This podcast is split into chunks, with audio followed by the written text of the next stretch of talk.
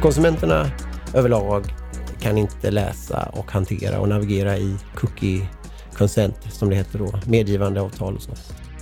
Informera, kommunicera, allt är bra, men det finns mer liksom, finns det andra sätt att stärka relationen som får, som, som, så att inte varje individ måste läsa på väldigt, väldigt mycket för varje tillfälle, för det är inte en melodi som funkar riktigt.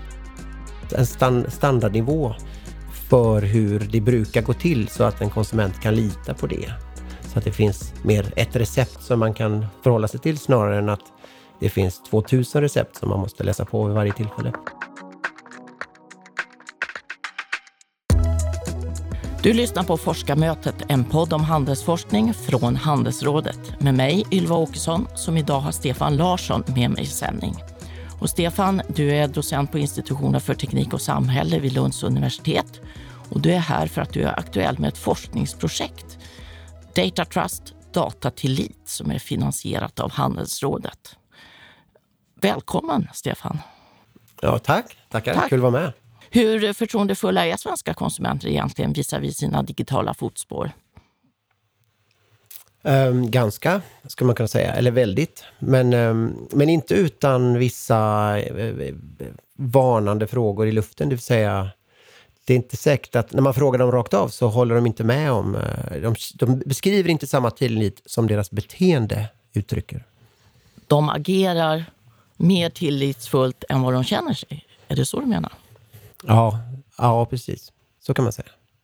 Varför bestämde ni er för just den här forskningsinriktningen? Vad är bakgrunden?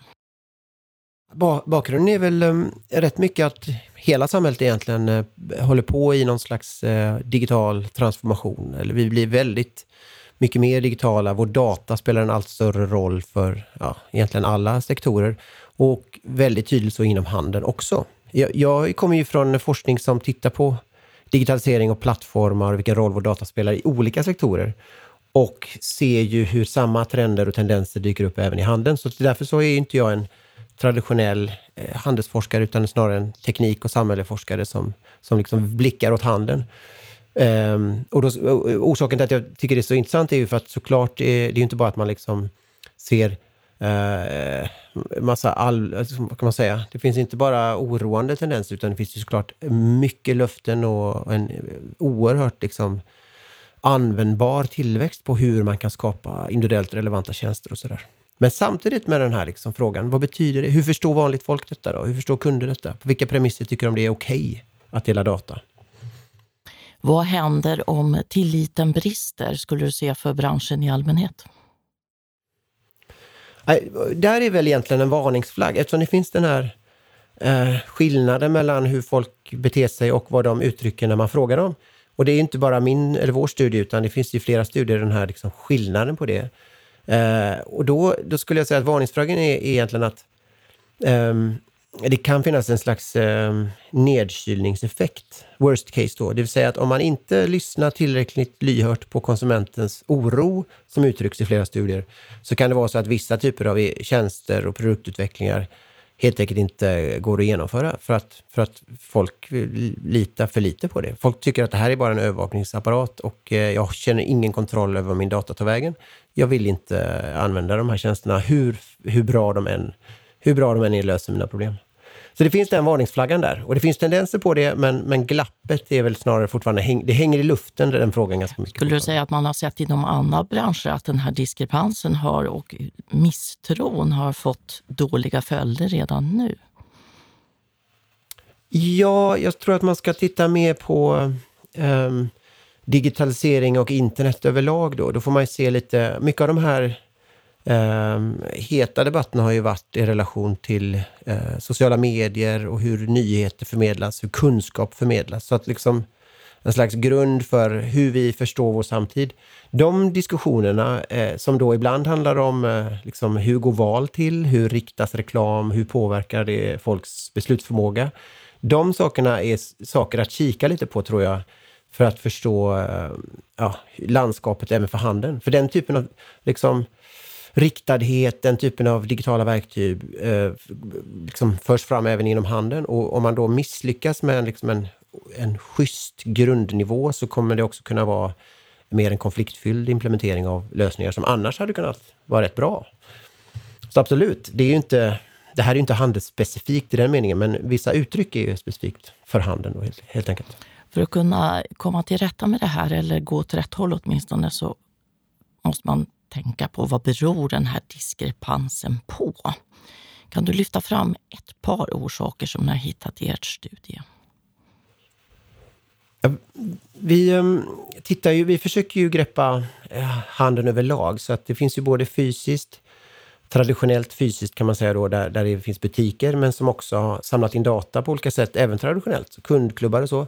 Men sen försöker vi även titta på eh, liksom den digitala e-handeln som också kom, där det finns nya aktörer, relativt nya då, som är, inte alls har någon fysisk butik. Och sen så är det ju samtidigt väldigt svårt att hålla dem isär för att det finns allt däremellan. Liksom.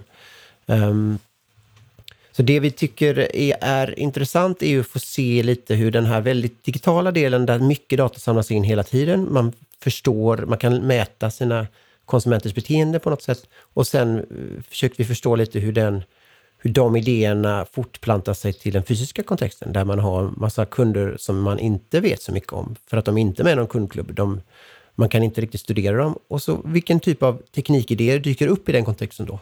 Hur vill man få reda på hur dessa kunder för sig, rör sig och beter sig i den fysiska kontexten? Och vad tycker då konsumenter om det? Vad tycker de är rimligt där? De, sådana saker studerar vi då. När vi pratade här tidigare så, så sammanfattar du lite grann så här att konsumenten litar på det närmaste ledet ungefär man litar på sin ICA-handlare till exempel. Men man blir allt mer fundersam vad som händer i de här digitala leden bakom. Absolut. Det är, jag skulle nästan säga att det är en av eh, grundfrågorna, det vill säga vad känner man tillit för? Och då är det ju den här första relationen är väldigt tydlig. Så att, och den är ju framförallt väldigt tydlig i en fysisk kontext. Man går till en butik som har ett brand. Man handlar mat, köper skor. Men det som, när man frågar, frågar konsumenterna så som vi har gjort, så är ju det här ja, den andra parten, eller det som vi beskriver som den tredje parten, då, den som inte man ser först, den är en, en slags varningsflagg. Eh, det tycker konsumenter generellt sett inte om att, att inte ha kontroll över. Så att när man frågar rakt av, enkelt, är det okej okay att, att din data delas till tredje part eller liksom något annat samarbetsföretag, så tycker en majoritet att det är inte okej. Okay. Så där är ju någonting i vart fall att lyssna på eller förvalta när man utvecklar eh, tjänster inom handeln. Hur ska man hantera det då? Vad är det för typ av kontrollförlust som konsumenter upplever och vad påverkar det? Hur, borde, hur kan man stärka sin egen relation i så fall då, är egentligen eh, nästa steg i det. Det är många som försöker här genom att innan man ska klicka sig vidare på olika sajter har eh, långa texter som man ska sätta sig in i som enskild konsument. Alternativet är att man trycker på det lilla blå I accept. Finns det något mellanläge där som skulle öka transparensen? Det är ett ganska rörligt landskap. Men första steget för oss är väl hur, alltså liksom försöka förstå hur konsumenter förstår det. Och då, det är väl lite som vi alla kanske känner att eh, väldigt många har inte alls någon eh, god koll på hur, vad de där avtalen egentligen säger eller vad det egentligen betyder att man klickar i. Vissa förstår inte ens att det är en fråga som kommer utan man vill bara trycka bort det som är i vägen för när man vill komma till sajten. Så, så det är väl det första liksom. Uh, och det är egentligen ett uttryck och det, det, kanske, det, det här är också en sån fråga som är större än en individuell handlare. Det vill säga, förvisso kan en handlare bestämma hur den frågan ska gå till och fall man vill ge lite valmöjligheter i det. Och det är ju alltid bra. Men samtidigt så är ju detta eh, en slags eh, lagstiftningsidé om att alla ska få den här typen av eh, information och fråga vid varje tillfälle. Vilket, vilket är liksom övermäktigt för oss alla. Man, man, klarar att ta ställning till sånt i några få fall, men man klarar inte det i 500 fall. Liksom. Så att där är ju en sån där större fråga som är, ja, hur ska man då kommunicera bättre då? Finns det några andra sätt att bygga relationen på ett bra sätt än att typ överinformera eller liksom låta informationsvågen skölja över konsumenterna? För konsumenterna överlag kan inte läsa och hantera och navigera i cookie consent, som det heter då, medgivande avtal och så. Dagens läge är alltså så att man lägger ganska mycket på konsumenten eh, som även i de bästa av världar skulle kunna ta ställning i några fall, men inte av alla. Men i, man tänker rimligt, så är det mycket få utav få i en befolkning som har, har förmåga överhuvudtaget att sätta sig in i det här, eller tid. Och så kommer det väl vara ja, i, under liksom all framtid. För att även om vi blir mer och mer digitala så kommer det alltid att finnas de som inte kommer att förmå på olika sätt om man har begränsat med tid.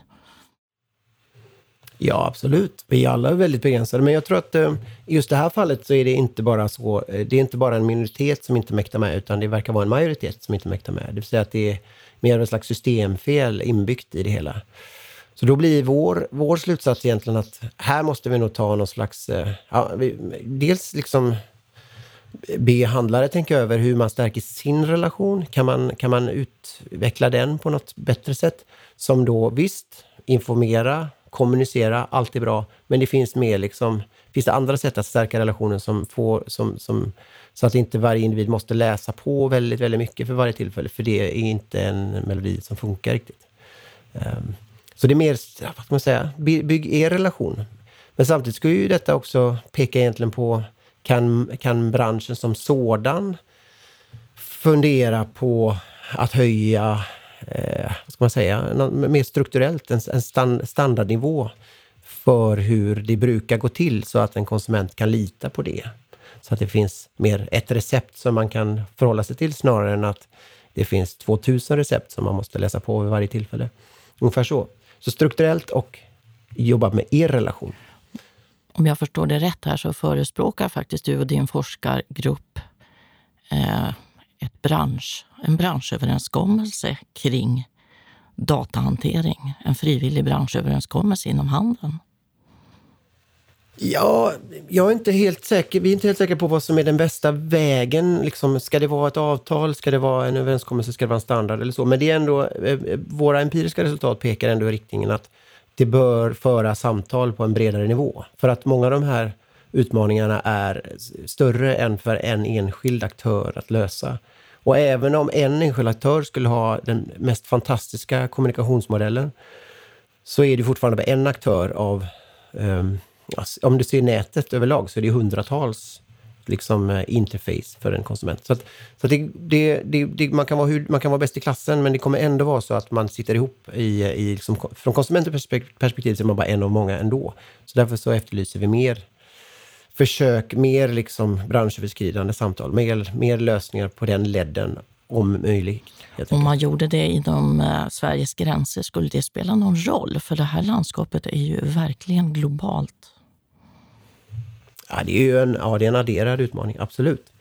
Men det tror jag ska absolut, det skulle ändå spela roll för att vi är fortfarande konsumenter inom eh, Sveriges gränser. Och jag tror att, eh, och många aktörer är ju tydligt svenska också. Så, att, så att det finns ju ändå, det är inte så att Sverige är ovidkommande, även om man handlar eh, internationellt också som konsument.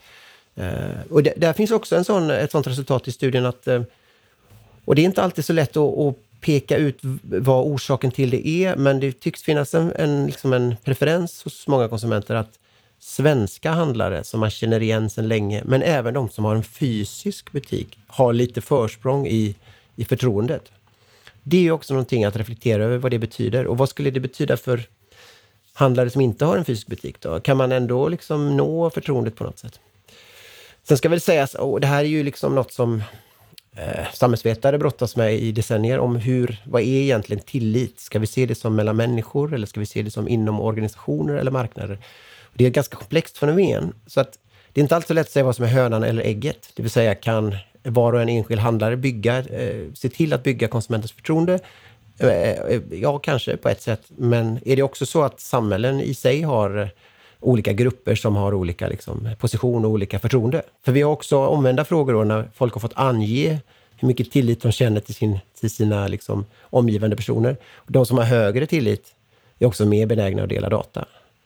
Trots att de varken vet mer eller mindre om just liksom, det datadelandet. Så att har man förtroende, då är det, då är det ursprunget. Då är man mer benägen att, eh, att liksom, tänka att det löser sig nog och erbjudandet får kommer nog vara värt eh, liksom datadelandet. Så då blir det egentligen också en större fråga. Hur ska, hur ska man som bransch stärka ett tillförlitligt samhälle då? då?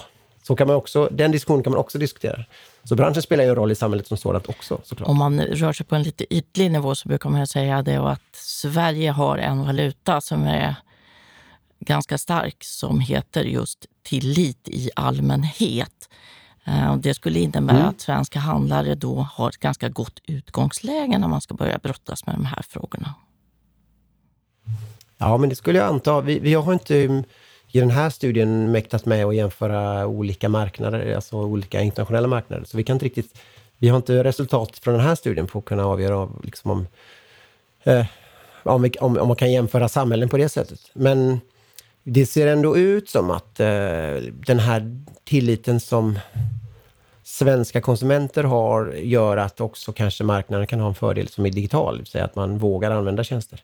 Men jag, men jag skulle ändå liksom, jag tycker ändå de här, eh, framförallt de här studierna som gjorts flera gånger över ett par år, typ Svenskan och internet eller delade meningar eller andra sådana här typer av återkommande. När de pekar på en växande liksom, oro eller kontrollförlust från individen och konsumenten, vad deras data tar vägen och vad den används till. Det är ändå liksom, eh, det är ju slags, då, då filas det på någon typ av Eh, förtroende. Och det måste vi nog förstå bättre, tror jag, för annars riskerar vi att få ett eh, en, ett sämre, sämre förutsättningar för en utveckling av Det skulle ju kunna spegla en, en skulle... ökad, ökad kunskapsnivå också hos, hos kunderna, konsumenterna, i takt med att det blir ett antal skandaler, typ Cambridge Analytica och så vidare. Ja, fast, fast då förutsätter du att eh, ökad kunskap eh, avslöjar den brist på tillit som borde råda. Okay.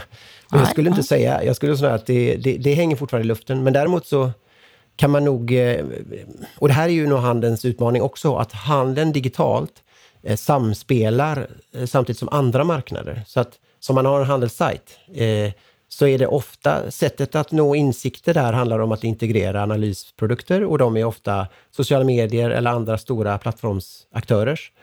Och det betyder att deras affärer, deras marknad, som då kan vara reklammatchning och så, eh, som, som, som många inte känner så stort förtroende för, för spe, sams, eh, pågår ju samtidigt som en konsument går in på, på liksom den lokala handlarens e-handelssajt. Det är bara det att på den här reklammatchningsmarknaden så är ju konsumenten mer av en datakälla för någon annans matchande affär. Medan man egentligen tänker att man ska gå in och köpa, köpa sig en, en skjorta på den här sajten. Så det, det betyder att det är väldigt komplext för en konsument att fatta detta. Och, och våra resultat säger att det, den insikten har inte konsumenter. Och dels så är det svårt för en enskild handlare då att liksom då, då, måste ju var och en ta ansvar för den här andra marknaden som pågår. Den reklammatchande marknaden med en massa andra aktörer. Och det är ju snarare det som gör att jag återkommer till att ja, odla er relation med, med eh, konsumenten och försök att inte göra er beroende av den här tredjepartsmarknaden med reklammatchning och liksom massa andra aktörer som konsumenten inte förstår men upplever eh, gör att deras data reser vidare. Går det ens att ställa sig utanför det om man är en ja, hyfsat liten e-handlare? Det får du, ja det är en bra fråga. Jag tror att man, man har en del val att göra i vart fall. Hur reklamintegrerad man är till exempel och vilken typ av analytiska produkter man använder för att förstå sina kunder. Det kan ju ske olika sammankopplat med tredjeparter. Så vissa val kan man allt ta, men sen är man ju aldrig helt ensam på en digital marknad som är väldigt tredjeparts cookies uppbyggd och så vidare. Men absolut, man, man har några val att göra ändå. Och där, då, då, då, då rekommenderar vi odla er relation för att, eh, för att eh, riskerar undergräva förtroendet som konsumenten känner. Det vill säga att kontrollförlust, vi vet inte vilka de andra är, delar inte vår data. Eh, baserat på hur vi har frågat om de frågorna, eller frågat de frågorna till våra till konsumenter i Sverige i vår studie. Här då. Skulle du kunna ta, ta lyssnarna på en liten kort promenad in i det här komplexa nätverket och landskapet med början i eh, nätsökning efter en viss vara över, över köp till betalning till leverans, hemsidor, banker, reklamköpare och automatiserad budgivning och så vidare. Kan du bara eh, promenera runt lite grann med kompassen där? Ja, men där, där säger du det själv en del om hur komplext och integrerat det kan vara och svårt det är att bedöma. En sökmotor kan sitta ihop med reklammatchning såklart.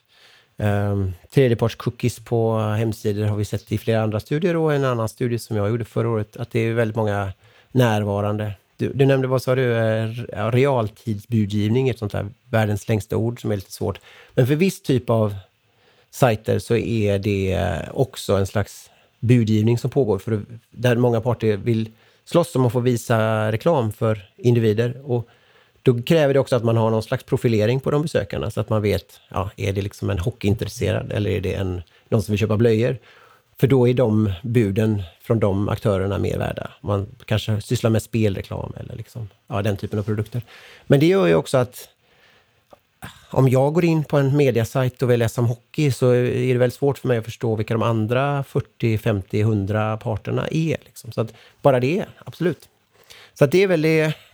Komplexiteten här gör ju att det är extremt svårt att jobba med transparens i någon riktig mening digitalt. Men, eh, men det kokar ändå ner, tror jag, tillbaks till att ja, kan man välja enklare upplägg, kan man vara tydligare med vilket upplägg man valt, Eh, utan att bombardera med cookie-frågor, eh, så, så vore det bättre i vart fall. Då skulle man sikta på att stärka relationen med var och en konsument. Man måste liksom ta det från konsumentens perspektiv hela tiden, tror jag. Vi pratade om eh, artificiell intelligens också, för någonstans så datainsamling kan ju mata in kunskap kring, kring sådana här funktioner. Kan du säga någonting på projektets bäring för det? Ja, jag skulle säga att eh, många av... Eh, och det är ju rätt mycket en slags branschinnovation som pågår. Ehm, och man kan väl å ena sidan säga att eh, väldigt många tycks stå inför de lite mer klassiska, få ordning på din data, vet vad du samlar in och se till att din digitala närvaro funkar allt ifrån det liksom, till hela vägen att några, framförallt de här aktörerna som nog är födda digitalt, tenderar att eh, jobba mer med plattformslogik. Hur kan vi automatisera rekommendationer? Hur kan man liksom guida konsumenten automatiskt så att man kan ha också en skalbarhet i sin digitala plattformslogik. Men då, det gör att mycket, mycket av liksom fronten, som, som jag förstår den i vart fall, eh, i innovationen inom branschen kommer att ha att göra med, och, och delvis redan, eh, varianter av AI. Så maskininlärning där man liksom jobbar med prediktioner. Kan man liksom förutse vad köptrenderna kommer att bli? Kan man, eh, kan man eh, förstå vad vissa individuella konsumenter kommer vilja ha och ge dem erbjudanden på det? Du verkar ju vilja varje fredag tycka detta är bra. Alltså den här liksom prediktiva idén bygger på en slags ja, maskininlärningsmodell som man har haft mycket data för att analysera på. Så AI-delen är liksom en, en, en, ett, ett, en väg fram i innovationen. Sen bygger den på, på en rad komponenter varav datatillgång och data är just nu den kanske viktigaste. Eh, vilket gör att i den här studien har vi ändå studerat liksom, vad tycker folk om dela data ungefär. Men det ser ändå ut som att det kommer att vara en förutsättning för att få till de eh, mer AI-drivna tjänsterna också. Så det, samtidigt som det, det pågår rätt mycket samtal kring hur man borde tänka kring AI-frågor eh, på, på en rad marknader just nu. Och, och, EU sägs komma med förslag på reglering och det pratas mycket om etiska riktlinjer och mycket liksom värdegrundsmässigt. Man är rädd för vissa aspekter av diskriminering? Kan det vara så att man reproducerar de dåliga delarna av, av konsumentgrupper till exempel? Eh, utan att upptäcka det förrän det är för sent. Så att AI-spåret är absolut eh, kommande, den kommande liksom knäckfrågan för den, framförallt ja, den allt mer datadrivna handeln. Eh, och, och, där finns det en rad olösta frågor som hänger i luften just nu också. Då. Eh, men samtidigt ska man inte säga att, ah, fast traditionell digitalisering, nätet och datan, den är ju eh, all, i allra högsta grad nu och eh, en, en, utmaning just nu för väldigt många. Så, att, så allt är inte AI som glimmar heller, man ska säga. Utan, men jag tror att där har vi någonting som är på gång att växa till sig och det, det måste vi nog titta mycket mer på för att fatta, fatta utmaningarna innan, innan det, folk trampar i klaveret, kan man säga. Fick ni någon uppfattning om de tillfrågade hade en ökad insikt om att de data som de själva genererar är, är värda pengar. Att de på det sättet sitter på guld. Ja, och då, då får jag nästan luta mig åt våra... Vi gjorde lite olika typer av studier. En var fokusgrupper där man har intervjuer, lite mer följa upp frågor, lite som, som du gör nu fast med väldigt många och i grupp. Um, och där var det ändå så att folk hade en, en, känsla för att datan var värd någonting, att, det var, att den var betydande och den spelade en roll i framförallt i eh, vad ska man säga, profilering eller liksom analytiska produkter där, där handlare och andra försöker förstå sina konsumenter. Så absolut. Men jag tycker eh, i vår enkätstudie så är väl det liksom de frågor som drar åt AI kan man säga, för att komma tillbaka till det, är ju ehm, eh, det finns ju eh, obeskrivet, alltså det finns ju tydligt så att rekommendationer kan bli träffsäkra och det kan vara väldigt återvärt för en konsument. Eh, och då hör man ibland eh, argumentation i branschen som säger alla vill ha individuellt relevanta tjänster. Och då blir vi såklart nyfikna på, ja, men stämmer det? För det är egentligen en empirisk fråga. Om man, om man frågar konsumenter, förstår de den frågan och tycker de att det är så? Och, och där kommer ju några eh, kanske lite eh, utmanande svar baserat på eh, om man tänker att det är så att alla vill ha det. För att ungefär en, eh, hälften, eller lite mer än hälften, tycker, tycker inte det är rimligt att deras data samlas in för att få mm. relevanta reklamerbjudanden till exempel. Det kan ju vara så att man tolkar in det lite mycket i, i en, en nätkontext där man, inte, man tycker att man jagas för mycket av, av, av, av dålig reklam till exempel. Men, så att man har en dålig liksom, erfarenhet av det. Men intressant nog så gäller det också Eh, om man tycker att det är rimligt att få rabatterade varor och tjänster. Alltså att man får liksom produkter som man gillar och vill ha. Det tycker ändå en, eh, ungefär hälften inte är rimligt. Vilket är, är, kan tyckas lite konstigt då om man har utgångspunkten att alla vill ha individuellt relevanta tjänster. Så där är ju någonting som man måste förstå bättre då, tänker jag. Vad är det som gör att, att folk tycker att trots att de får saker som man på analytisk väg kommer fram till att de vill ha och till ett bättre pris, så tycker de inte att det är en rimlig avvägning. Det vill säga, man tycker ändå, rätt många tycker ändå att de ger för mycket och det är inte värt kontrollförlusten eh, i data. Och eh, ja, jag vill hellre ha generiska erbjudanden som alla får. Jag vill inte bli... Ja. Skriven på det är näsan. Intressant, tycker jag. Nej. Ja, det är intressant och det är, en, det är inte helt enkelt att förstå varför. Blev ni förvånade över att det var så pass många då som hälften som sa nix till detta? Ja, jag blev ändå överraskad att det var så många. Jag tycker i andra studier och att, att jag förstått att det finns en, en, en slags kärntrupp som ändå tycker att eh, det har gått för långt och det är för mycket övervakning eh, på nätet. Och då, men det, det, är inte en majoritet i, de, i andra studier som jag hittar. Men däremot så, så finns det, då, är, då betyder det att det här är en mer allmän grej. Att, eh, att, det, eh, att man tycker inte att det är värt det, eller det är inte rimligt. Man ger mer än man får, eller något sånt där.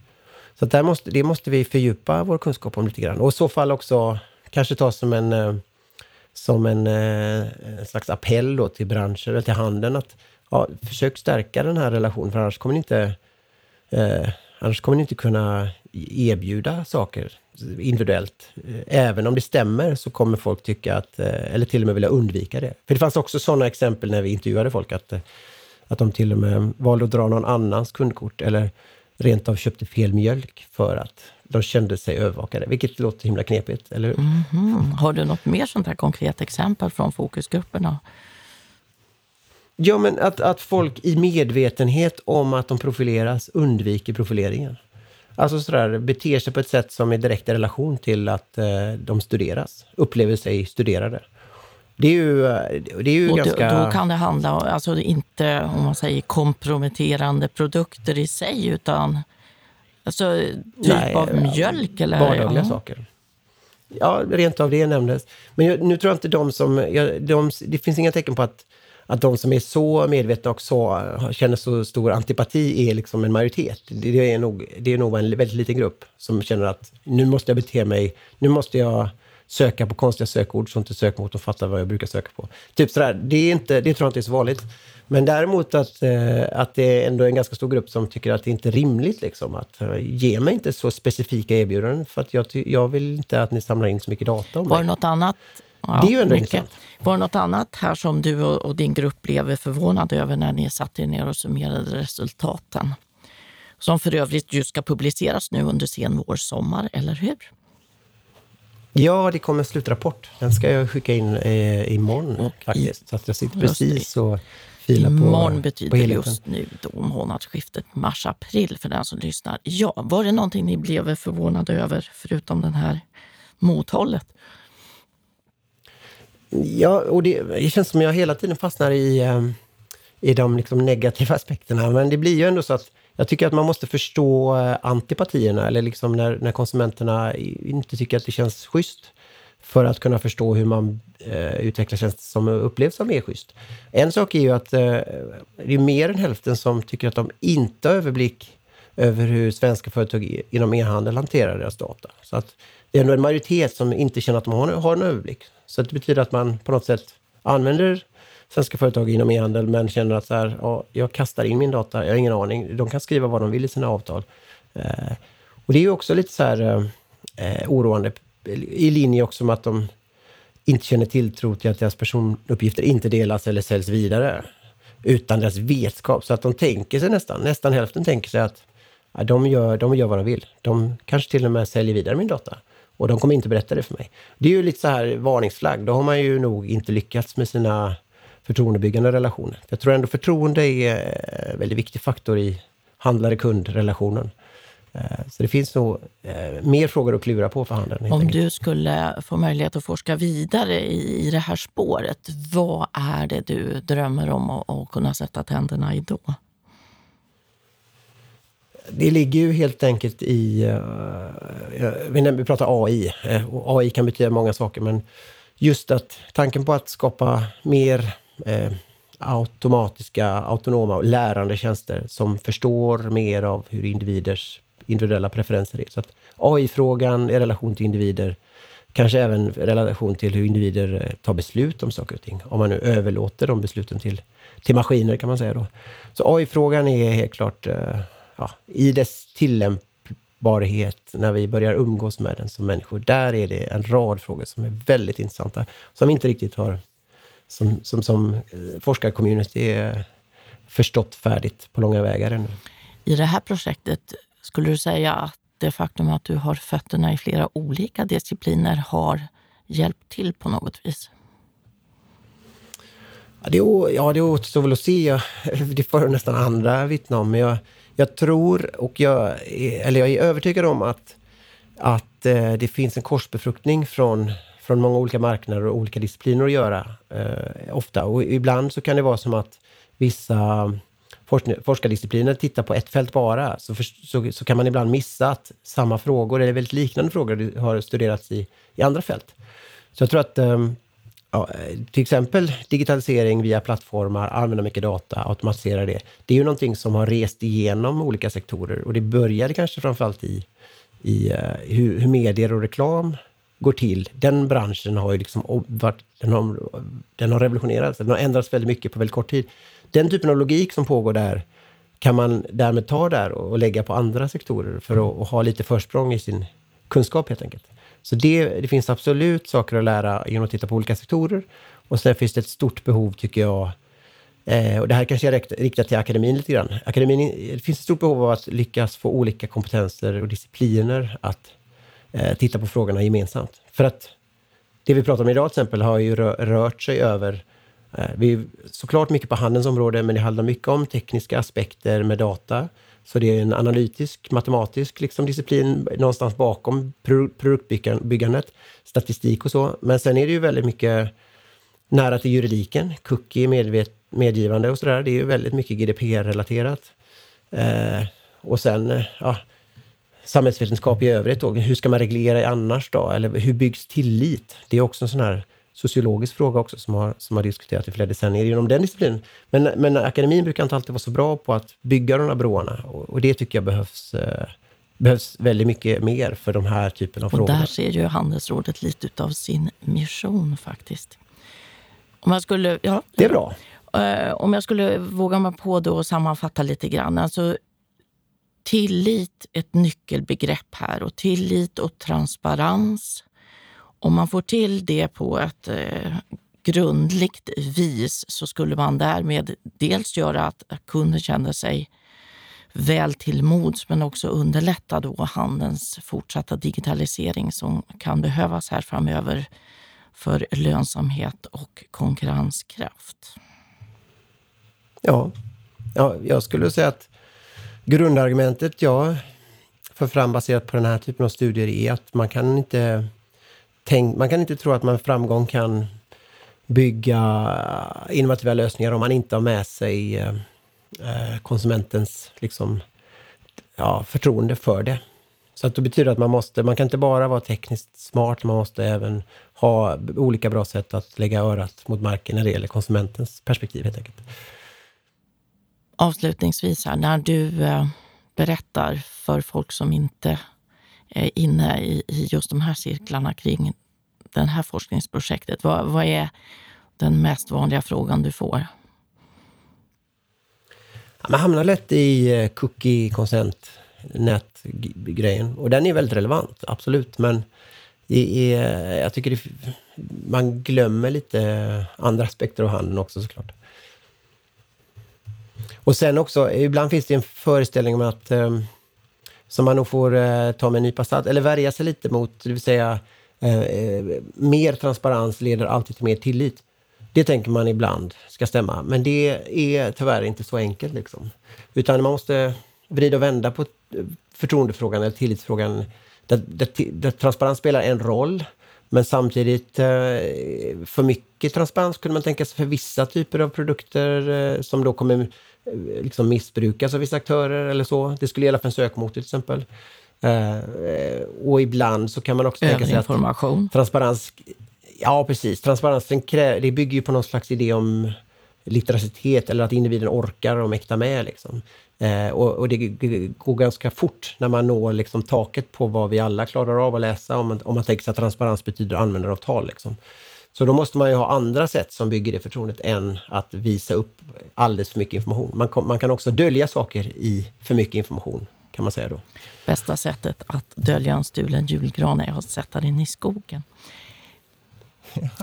Tack Stefan. Vi ja. ser fram emot din rapport som kommer nu under senvåren kan vi ju säga då på Handelsrådets hemsida. Ja. Tack. Och fler poddar ja. finns att lyssna på på Handelsrådets hemsida. På återhörande.